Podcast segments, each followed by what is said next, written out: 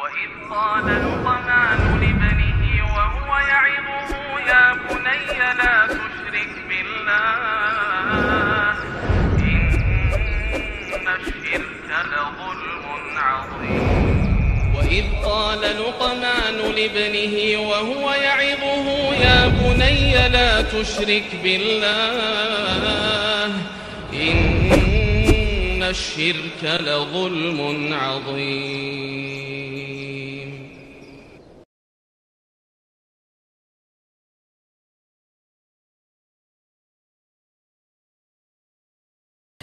Lantas ikhwah, udhkuril hikmata min masyru'iyatil aqiqati ma'a biyani ba'di fawaidiha. Sebutkan hikmah disyariatkannya akikah atau nasikah ya berserta penjelasan faedah-faedahnya. Jawab Adzabihatu 'anil waladi fiha ma'nal qurban wa syukran wa fida wa sadaqah wa it'amut ta'am 'inda hawadithis surul 'azam.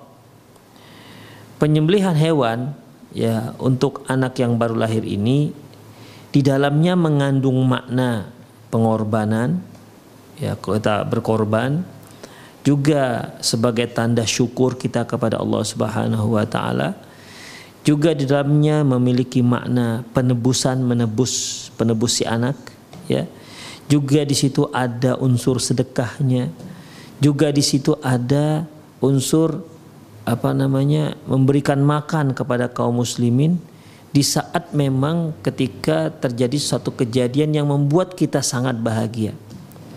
Syukran lillahi wa idharan li ni'matihi allati hiya ghayatul maqsud minan nikah. Nah, ini merupakan juga sebagai uh, menampakkan nikmat Allah Subhanahu wa taala karena dia uh, dia sudah mendapatkan hasil daripada tujuan sebuah pernikahan. Ikhwah rahimanallah wa iyyakum. Ketika uh, sepasang suami istri menikah, ya se seorang laki-laki dan seorang wanita menikah, di antara maksud tujuan menikah mereka adalah agar mendapat keturunan, mendapatkan keturunan sebagaimana yang telah kita bahas panjang lebar di klinik pernikahan. Ya. Dan di saat seorang itu menikah, ini sebagai event di mana event yang menyenangkan ya event yang menyenangkan di mana di saat itu kita disunahkan untuk berwalimah ya e, memanggil kaum muslimin untuk makan sebagaimana sabda Rasulullah sallallahu alaihi wasallam aulim walau bisyad berwalimahlah buatlah walimah walaupun hanya dengan menyembelih seekor kambing yang intinya disunahkan yaitu untuk melakukan walimah bagi orang yang melangsungkan akad pernikahan. Walaupun bentuknya sangat sederhana, tapi sunnahnya itu walimah. Demikian. Dan salah satu tujuan pernikahan adalah untuk mendapatkan keturunan. Untuk mendapatkan keturunan. Tapi di saat seorang menikah dan itu merupakan uh, jalur yang bisa seorang lakukan untuk mendapatkan keturunan, menikah ini saja Rasulullah Shallallahu Alaihi Wasallam sunnahkan agar makan-makan, ya, mengundang kaum muslimin untuk menikmati makanan. Kemudian tujuan dari pernikahan itu yaitu untuk mendapatkan keturunan dan keturunan ini sudah dapat. Baru saja Allah anugerahkan kepada dia. Ya, maka juga disunnahkan ya disunnahkan untuk melakukan hal yang sama, hal yang mirip. Ya, makanya dengan cara bagaimana? Dengan cara menyembelih hewan, di situ juga uh, membagi-bagikan daging-daging kambing yang kita yang yang kita sembelih. Makanya tadi disebutkan bahwasanya uh, akekah atau nasikah ya itu merupakan uh, dibalik daripada penyembelihan hewan untuk nasikah ini atau atau untuk akikah ini di situ ada unsur pengorbanan di situ ada unsur syukur kepada Allah Subhanahu wa taala juga di situ ada sedekahnya juga di situ ada apa namanya me, menghidangkan makan untuk kaum muslimin ya mengajak kaum muslimin untuk makan kemudian termasuk juga menampakkan nikmat Allah Subhanahu wa taala. Apa itu? Yaitu dia mendapatkan seorang seorang bayi. Demikian ikhwah. Fa idza syara ita'amulin nikah alladhi huwa wasilatun ila husuli hadhihi ni'mah. Apabila Allah Subhanahu wa taala mencariatkan untuk uh, untuk makan-makan atau untuk mengajak kaum muslimin, mengundang kaum muslimin untuk makan di saat dilangsungkannya pernikahan dan itu merupakan uh, jalur sarana untuk mendapatkan sebuah keturunan ya untuk mendapatkan sebuah keturunan maka fali anna yushra indal ghayatil matlub aula wa ahra. Tentunya di saat tujuan itu sudah tercapai ini tentu lebih ditekankan lagi untuk melakukan uh, apa namanya untuk me melakukan event yang sama yaitu mengundang kaum muslimin makan membagi-bagikan daging uh, kambing yang disembelih yang disembelih. Demikian ikhwah. Ya jadi uh, seorang nggak akan mungkin mendapatkan keturunan kecuali setelah dia menikah. Orang nggak akan mungkin dapat keturunan kalau nggak nikah. Ya, seorang menikah di antara tujuannya adalah agar mendapatkan keturunan. Baik, ketika dia menikah ini disunahkan untuk walimah yaitu makan-makan, mengundang kaum muslim untuk makan, maka di saat di saat sudah mendapatkan tujuan ya, target tujuan mereka pernikahan itu, target tujuan pernikahan mereka yaitu dapat keturunan, maka ini lebih disunahkan lagi untuk uh, apa namanya mengundang kaum muslimin untuk makan-makan. Demikian ikhwah, ya. Atau ya membagi-bagikan daging daging apa namanya daging kambing yang sebagai akikah untuk si si anak. Demikian ikhwah rahimanallahu wa Wa fiha idharul farhi was surur. Di antaranya yaitu juga menunjukkan menunjukkan rasa riang dan gembira bi iqamati syara'il Islam ya dalam menegakkan syariat Islam wa khuruju wa khuruju nismatum muslih wa khuruju nismatum wa khuruju nismatin muslimatin yukathiru biha Rasulullah sallallahu alaihi wasallam al umam yaumal qiyamah. Ta'abbudan lillahi wa taraghuman aduwah wa taraghuman aduwah yaitu juga termasuk uh, apa namanya menunjukkan rasa gembira, rasa riang dalam menegakkan syariat Islam ini dan juga karena sudah munculnya generasi muslim. Telah lahirnya generasi penerus ya yang akan memperbanyak umat Rasulullah. Dan itu akan Allah jadikan sebagai apa namanya eh, kebanggaan beliau di hadapan umat-umat yang lain di hari kiamat nanti ya. Sebagai apa ikhwah? Ini dilakukan sebagai tanda ibadah kita, ketaatan kita kepada Allah Subhanahu wa taala dan untuk membuat jengkel musuh-musuh Islam. Demikian karena dilihat Islam semakin ramai, semakin banyak pengikutnya, ya tentu mereka akan semakin ciut dengan kaum muslimin. Ikhwah rahimanallah wa iyyakum. Jadi uh, ketika dilakukannya akikah ya, menyembelih seekor uh, kambing atau menyembelih kambing untuk anak yang baru lahir, di situ ada rasa senang kita untuk menegakkan kalimat Allah, eh, menegakkan syariat Allah ini. Di situ juga kita menunjukkan senang kita dikarenakan adanya uh, generasi penerus kita, ya. Uh, semakin banyaknya kaum muslimin. Kemudian juga itu juga sebagai ibadah bagi kita, ya. Melakukan nasikah ataupun akikah ini ini sebagai ibadah ketaatan kita kepada Allah Subhanahu wa taala. Demikian ikhwah. Wa min fawaidiha di antara faedahnya annaha qurbanun yataqarrabu bihi 'anil mauludi fi awwali awqati khurujihi ila dunya. Bahwasanya di antara faedahnya yaitu di antara faedah nasikah ataupun akikah yaitu sebagai uh, pendekatan cara pendekatan kita kepada Allah Subhanahu wa taala dengan adanya anak yang baru lahir ini. Ketika si anak pertama sekali keluar dari lahir ke dunia ini. Demikian ikhwah. Jadi ketika anak itu lahir maka ada satu ibadah uh, yang disunahkan yang diperintahkan Allah Subhanahu wa taala kepada kita. Demikian ikhwah. Jadi di sini uh, apa namanya ketika anak kita lahir berarti kita merasa syukur dan ini sebagai pendekatan diri kita kepada Allah Subhanahu wa taala terhadap uh, untuk anak-anak kita ini, anak yang yang baru lahir ini.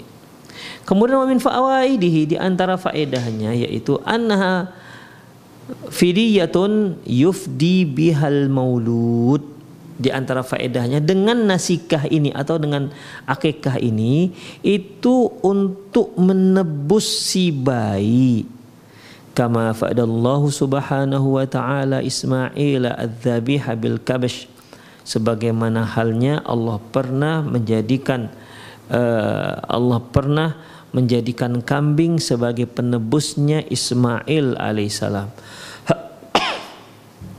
ya kisahnya kita sama-sama sudah tahu ketika ketika apa namanya ketika Nabi Ibrahim alaihissalam mengatakan Ya bunayya inni ara fil manami anni adzbahuka fanzur madza tara. Qala ya abati fa'al ma tu'mar satajiduni insyaallahu minas salihin minas sabirin. Ibrahim berkata wahai ananda sungguhnya aku mimpi bahwasanya aku itu menyembelihmu. Bagaimana pendapatmu wahai ananda? Kata si anak, ya seorang anak yang sabar lahir dari ayah yang sabar. Ya, Ibrahim yang sabar bayangkan. Anak yang dia idam-idamkan setelah si anak sudah bisa membantu dia bekerja eh malah disuruh sembelih oleh Allah Subhanahu wa taala. Tapi ya dia pasrah. Karena itu semua adalah milik Allah Subhanahu wa taala. Makanya ketika dia tanya wahai anakku gimana kira-kira pendapatmu? Jadi dia nggak nggak diktator juga. Tidur tidur tidur. Tak sembelih lo nggak begitu juga kan? Bagaimana pendapat bagaimana pendapat Munah kata Nabi Ibrahim kepada si anak si anak juga masya Allah. Lah seorang anak yang sabar lahir dari seorang orang ayah yang sabar masya Allah. Apa katanya? Ya abati faal ma tu'mar.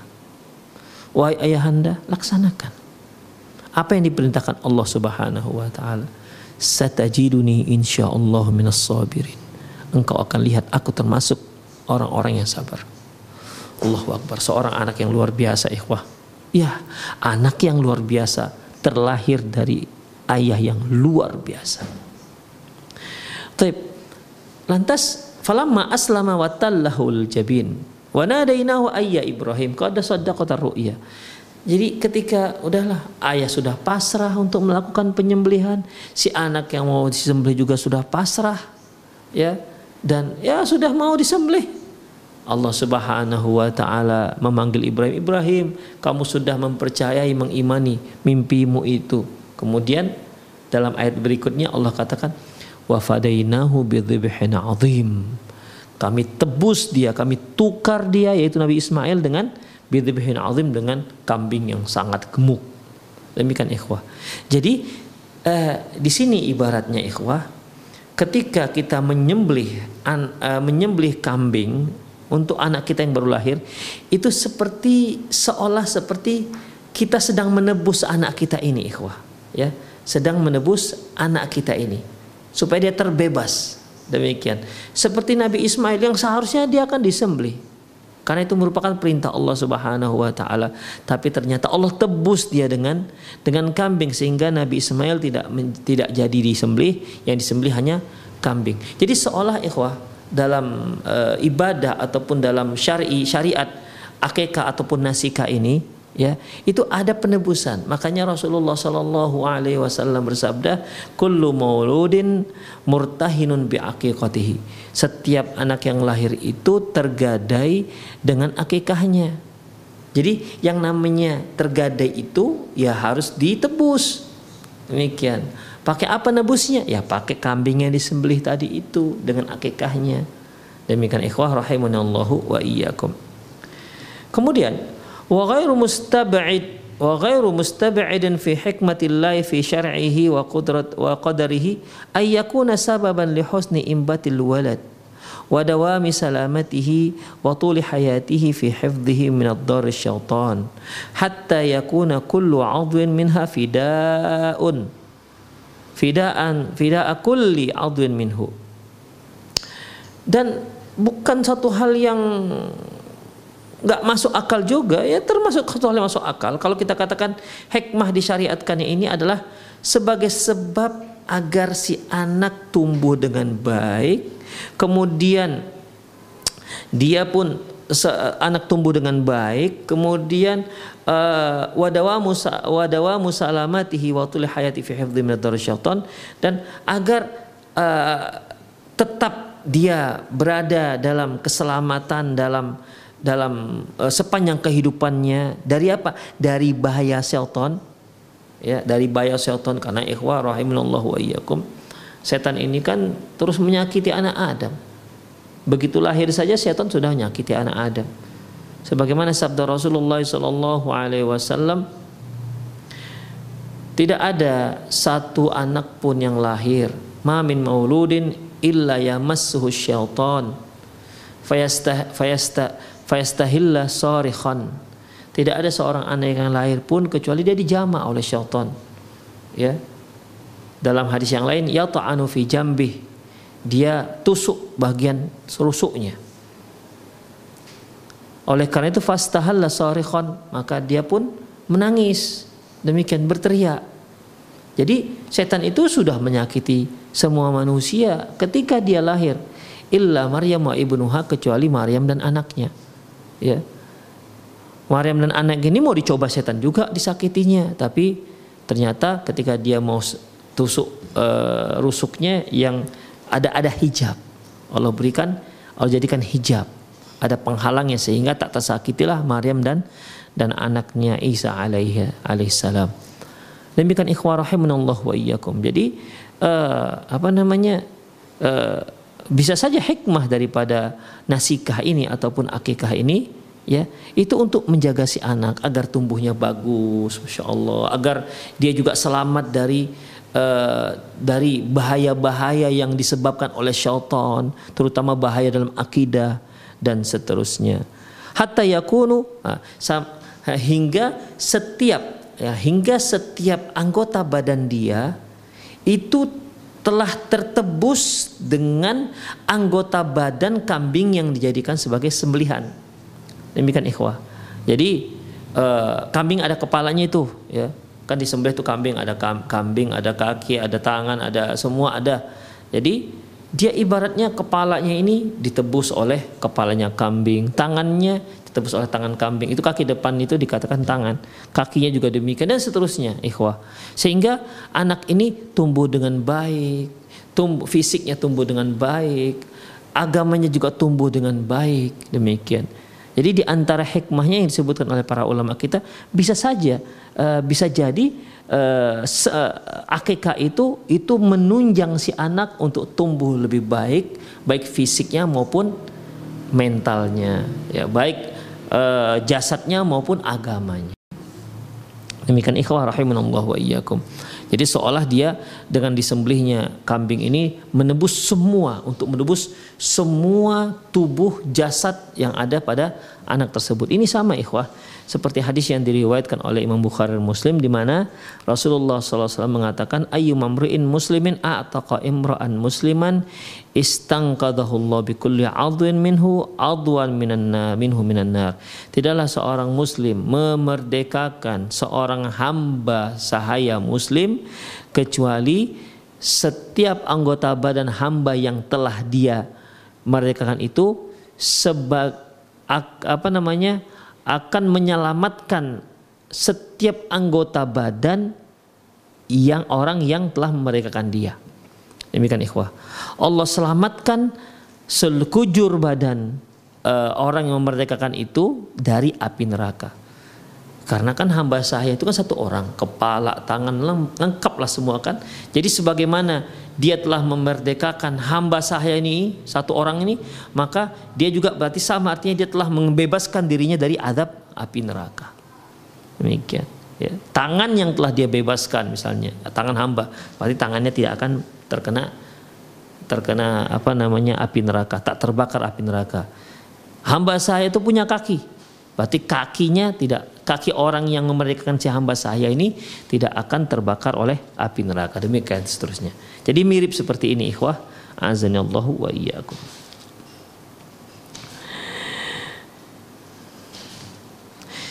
Waqad ja'ala Allah Subhanahu wa taala nasikatan nasikata 'anil waladi sababan li fakki rihanihi min asyaitan alladhi yu'alliku bihi min hini khurujihi ila dunya.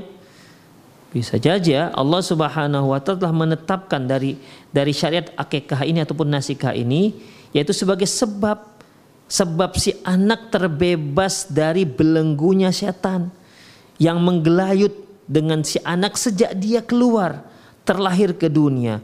Wa ta'ana fi khasiratihi dan dia si setan telah menusuk ataupun menyakiti bagian rusuk si rusuk atau pinggang si anak fakanat alaqiqatu fidaan wa takhal wa takhlisan lahu min habsi syaitan lahu wa sijnu fi asrihi wa man' wa man'ahi lahu min sa'ihi ila masalihi a masalihi akhiratihi allati ilaiha ma'ad dengan demikian akikahnya itu seperti penebus dan pembebas dia dari kungkungan dan belenggu syaitan. Yang itu nanti ya di mana kalau kalau belenggu setan dan kungkungan setan ini tidak terlepas itu akan menyulitkan si anak untuk melakukan hal-hal yang bermanfaat, yang bermaslahat untuk akhiratnya. Demikian ikhwah. Ya, namanya setan itu ya namanya setan itu target dia utama itu ya merugikan akhirat kita ikhwah. Karena memang akhirat akhirat si setan ini, si iblis ini ya di neraka dan itu sudah dipastikan oleh Allah Subhanahu wa taala. Demikian ikhwah rahimani Allah wa iyyakum. Makanya Allah Subhanahu wa taala firman dalam surat Fatir ayat 6, "Inna syaitana lakum aduwwun fattakhidhuhu aduwwa." Sesungguhnya syaitan itu merupakan musuh yang sangat nyata bagimu. Fattakhidhuhu aduwa. Jadikan dia sebagai musuh kamu. Innama yad'u hizbahu liyakunu min ashabis sa'ir. Sesungguhnya dia mengajak kelompoknya agar bersama dia menjadi penghuni neraka sa'ir. Demikian ikhwah. Jadi orang-orang yang tidak terlepas dari belenggu setan ini itu kemungkinan besar akan uh, kemungkinan besar dia akan bersama setan nanti di di di neraka sa'ir demikian. Dan salah satu cara untuk melepaskan belenggu setan ini yaitu dengan cara akekah. Demikian ikhwah. Jadi penebusnya sehingga setan tidak bisa lagi menggungkung dia. Kemudian Kama saya atibayanu fi tafsiri qauli sallallahu al-ghulamu murtahinun bi aqiqati sebagaimana yang akan disebutkan yang akan dijelaskan tentang tafsir sabda Rasulullah sallam al-ghulamu murtahinun bi aqiqatihi sungguhnya seorang bayi itu tergadai dengan akikahnya. Wa yakfi annaha sunnatun an Rasulillah SAW sebenarnya sudah cukup sebenarnya. Ya artinya tanpa tanpa kita ketahui pun apa hikmah dan seterusnya bahwasanya akikah itu merupakan sunnah Rasulullah itu sudah cukup. Wa kam minal amal bis sunnati min khairin wa barakatin. Berapa banyak amal-amalan sunnah itu yang mengandung banyak kebaikan dan keberkahan. Demikian. Jadi seolah penulis mengatakan ya kalaupun kita kita nggak tahu apa hikmahnya cukup sudah. Cukup bagi kita sudah ketika kita tahu itu merupakan sunnah Rasulullah itu merupakan ketentuan yang ditetapkan oleh Rasulullah Sallallahu Alaihi Wasallam. Itu merupakan pak uh, hidayah yang telah diajarkan Rasulullah Sallallahu Alaihi Wasallam kepada kita. Kalau sudah ada hadisnya seperti ini tadi, kullu ghulamin marhunatun murtahin bi akikati setiap anak yang lahir itu tergadai dengan akikahnya. Ini merupakan sebuah sunnah. Ya, dengan disunahkan ini saja amalan ini, perbuatan ini, syariat ini itu sudah cukup bagi kita pasti di dalamnya banyak kebaikan dan banyak hikmah ya dan keberkahan. Demikian ikhwah rahimani Allahu wa iyyakum. Kemudian di antara faedahnya fiha ittiba'u da'iyatus sakhawah. Di antara hikmahnya yaitu kita sedang mengikuti uh, jalur orang-orang yang dermawan. Ya, kan kita akan bersedekah ini. Ya. Kemudian wa isyanu da'iyatus sah suh dan kita tak kita telah mengabaikan jalur-jalur ke uh, apa namanya? jalur-jalur sifat orang yang jalur-jalur apa namanya ya? kikir. Demikian, ya. Karena kan berapa banyak ikhwah rahimani Allah wa iyyakum seorang yang mampu dia mengakikahkan anaknya tapi dia mikir satu satu orang anak laki-laki lahir dia harus mengakikahkan dua ekor menyembelih dua dua ekor kambing untuk anaknya ini. Satu kambing sekarang 2 juta 2 juta kali 2 juta 4 juta. Ini kalau beli beras udah berapa goni? Ke sana ya. Ke sana uh, hitung-hitungannya ikhwah. Kan bakhil namanya ini. Padahal ikhwah kalau dia tahu apa hikmahnya dan apa berkahnya dari syariat nasikah ini, niscaya dia tidak akan mau melewatkannya. Ya.